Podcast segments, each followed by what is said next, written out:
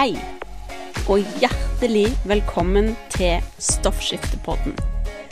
Denne podkasten er for deg som har hashimotos eller lavt stoffskifte, og har lyst til å lære mer om hva du kan gjøre med kosthold og livsstil for å få en bedre hverdag.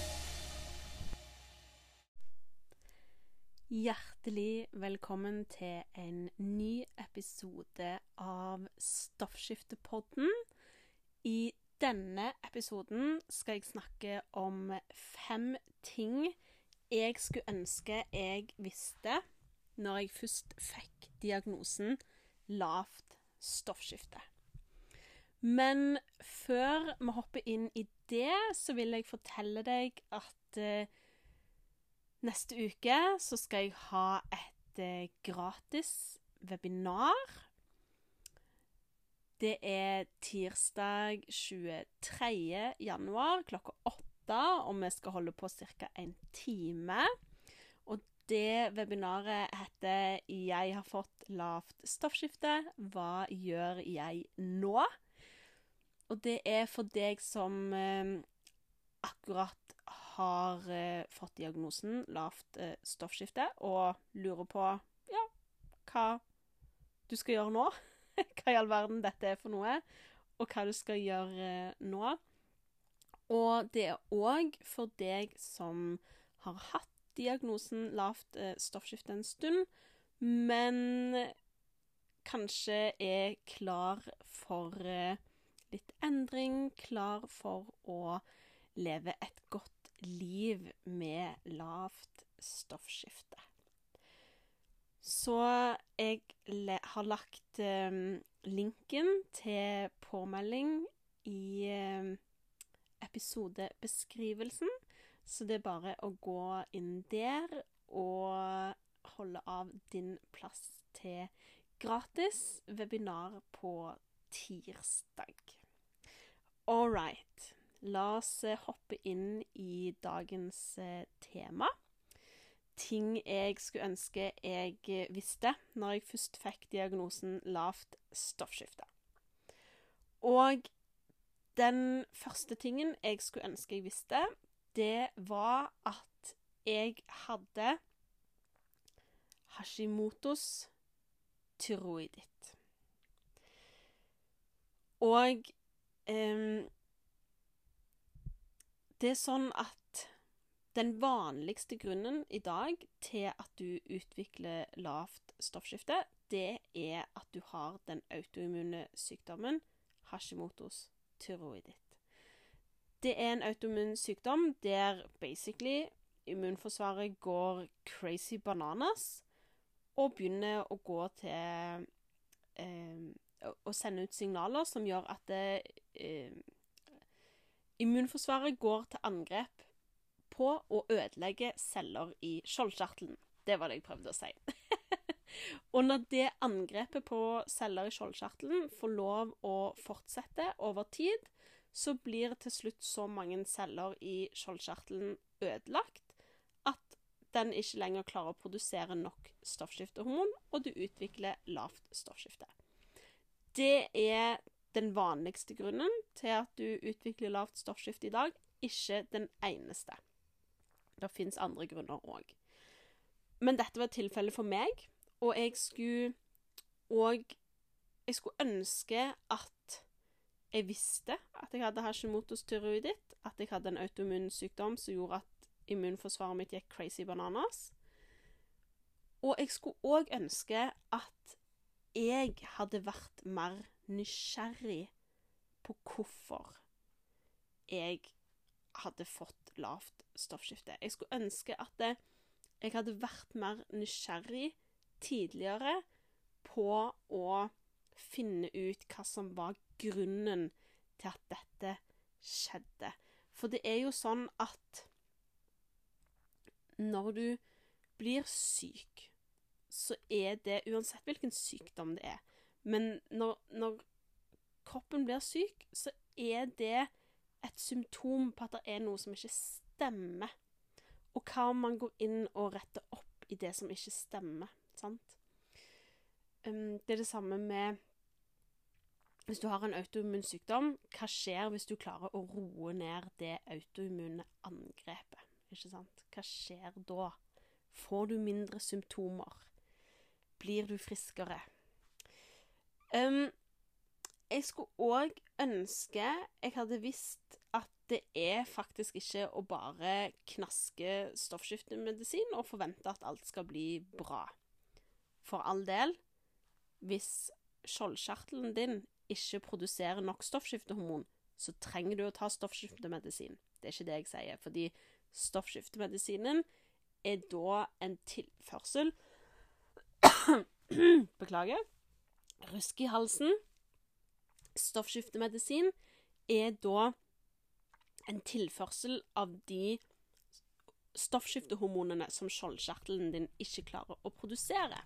Så det er selvfølgelig viktig, men det det er Altså, man hører flere historier om folk som får diagnosen lavt stoffskifte, begynner å ta stoffskiftemedisin og føler seg med en gang uh, mye bedre, obviously, fordi kroppen får plutselig tilførsel av de stoffskiftehormonene han ikke klarer å produsere sjøl. Men så med en gang så føler du deg gjerne bedre, men så eh, går det en stund, og så føler du deg kanskje verre og verre. Og det som er greia med stoffskiftemedisin, eller stoffskiftehormoner, som det basically er, er at eh, det skjer en, ting, en, del ting etter at de stoffskiftehormonene har kommet inn i kroppen. Eller det skal helst skje en del ting som ikke alltid skjer. Det er sånn at mesteparten tar en stoffskiftemedisin som består av T4. T4 det er òg det skjoldkjertelen produserer mest av. T4 kaller vi for biologisk inaktivt stoffskiftehormon. Det må konverteres til T3, aktivt stoffskiftehormon, for at cellene i kroppen skal klare å benytte seg av det. Den konverteringen skjer hovedsakelig i leveren. Den skjer òg i tarmen, og litt i musklene. Og hvis leveren ikke er i tipp topp stand, leveren ikke har næringsstoffene han trenger, eh, kanskje han er, er, travelt opptatt med å prosessere alle de hormonforstyrrende stoffene som du får i deg, så Eller hvis fordøyelsen din ikke fungerer, så klarer ikke kroppen å konvertere inaktivt T4 til aktivt T3. Og da nytter det ikke hvor mye stoffskiftemedisin med T4 du tar, fordi kroppen klarer ikke å aktivere det og benytte seg av det. Og så kan du tenke da, men hvorfor kan jeg ikke bare ta T3? Hvorfor kan jeg ikke få en medisin en stoffskiftemedisin som er T3, aktivt stoffskiftehormon. Og det er mange som tar T3 i, stoffskifte, i stoffskiftemedisin, eller en kombinasjon av T4 og T3. Tingen er at selv om kroppen har T3, aktivt stoffskiftehormon, enten gjennom å klare å konvertere det, eller få det gjennom medisin, så er det sånn at det er en del ting som òg kan stoppe aktivt stoffskiftehormon fra å komme seg inn i cellene. Og her, med aktivering av nei, aktivering av stoffskiftehormoner, sørge for at stoffskiftehormon kommer seg inn i cellene for å gjøre jobben. Her er det kosthold og livsstil spiller inn. Og det er en ting jeg skulle ønske jeg hadde visst om tidligere på reisen min. For da kunne jeg kanskje spart meg sjøl for en del temmelig kjipe år. Um, jeg har nevnt næringsstoffer, og det er en annen ting som jeg skulle ønske jeg hadde visst hvor stor rolle spiller. For dette er noe som jeg var veldig voksen før jeg på en måte skjønte Altså, vi, vi lærer jo fra vi er små at vi er nødt til å spise mat fordi uten mat og drikke duger kroppen ikke. Men vi lærer jo ikke hva vi skal spise. Og jeg var ganske stor, gammel, før jeg skjønte på en måte skjønte konseptet at det, kroppen er bygd opp av næringsstoffer. Alt som skjer i kroppen, trenger næringsstoffer for å fungere. De næringsstoffene får du i deg gjennom maten du spiser. Ikke gjennom hvilken som helst mat. Det fins jo så mye næringsfattig drit å få tak i. Beklager språket. Eller beklager egentlig ikke, for det er sant. Det fins så mye møkk som du kan bruke pengene på i butikken, som inneholder basically ingen næringsstoffer. Og um, det er en ting som jeg skulle ønske jeg hadde skjønt tidligere, at det, hvis Fordi kroppen er bygd opp av næringsstoffer, og trenger næringsstoffer for å fungere Hvis vi ikke spiser de næringsstoffene, så kan vi ikke forvente at kroppen skal fungere. Du kan ikke forvente at kroppen skal klare å produsere stoffskiftehormon hvis ikke du har nok eh, protein, hvis du ikke har nok jod, hvis du ikke har nok, nok sink eller selen. Altså, du kan ikke forvente at kroppen skal klare å fungere hvis du ikke gir han næringsstoffene han trenger. Og det er noe jeg skulle ønske jeg hadde skjønt tidligere. Og hvis du ikke har skjønt det før nå, så du er ikke aleine. Plutselig så får vi sånne om Å ja! Selvfølgelig. For det er òg en greie at det, selv om det er mange ting jeg skulle ønske jeg hadde visst tidligere, så banker jeg ikke meg sjøl opp fordi jeg ikke visste det. For du gjør bare til enhver tid så godt du kan med den informasjonen du har. Og når du lærer noe nytt, istedenfor å tenke 'Å, fy søren, så dust jeg er at jeg ikke visste det', så, så tenk vær, Velg heller å tenke Du kan velge å istedenfor tenke at det, 'Å, ha, det visste jeg ikke. Så kult. Nå lærte jeg noe nytt. Det skal jeg bruke.' OK? Du kan velge å heller tenke sånt, og jeg anbefaler å tenke sånn istedenfor å banke deg sjøl opp for det du ikke visste. Sant? Altså, ingen vet alt her i verden. Eh, til slutt, og nå var jeg egentlig litt inne på det, så skulle jeg ønske jeg hadde visst hvor mye det indre har å si.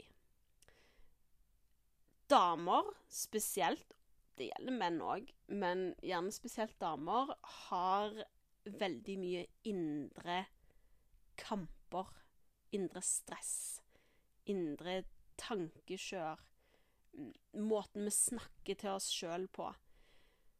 Og det påvirker stoffskiftet. Det indre stresset påvirker stoffskiftet. Det påvirker eh, om skjoldkjertelen din får beskjed om å produsere stoffskiftehormoner. Det påvirker denne aktiveringen av stoffskiftehormoner som vi har snakket om.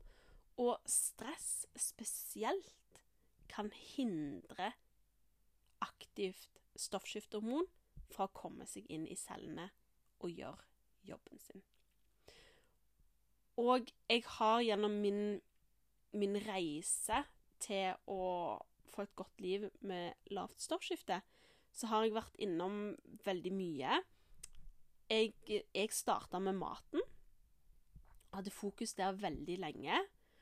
Og så eh, skjønte jeg at stress hadde noe å si, men jeg jobbet liksom mest med det, det ytre stresset, det fysiske stresset, søvn. Og så har jeg jobbet eh, mye med hormonforstyrrende stoffer, hvordan det påvirker, bytte ut med bedre produkter. Og så til slutt, for det var på en måte en sånn brikke som ikke falt helt på plass til meg, og det var det som skjer inni meg. Um, og når jeg da òg begynte å fokusere på det, så løsna det virkelig.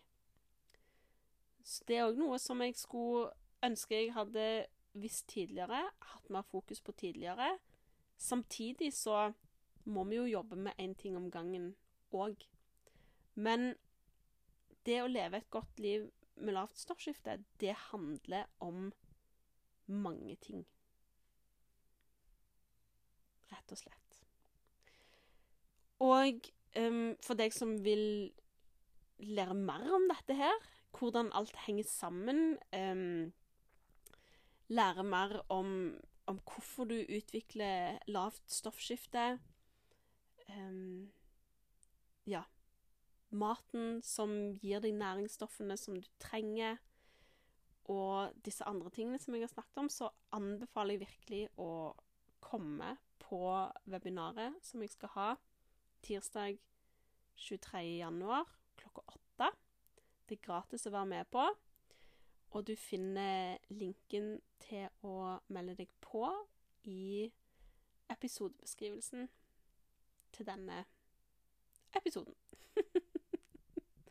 OK. Lag deg en nydelig dag.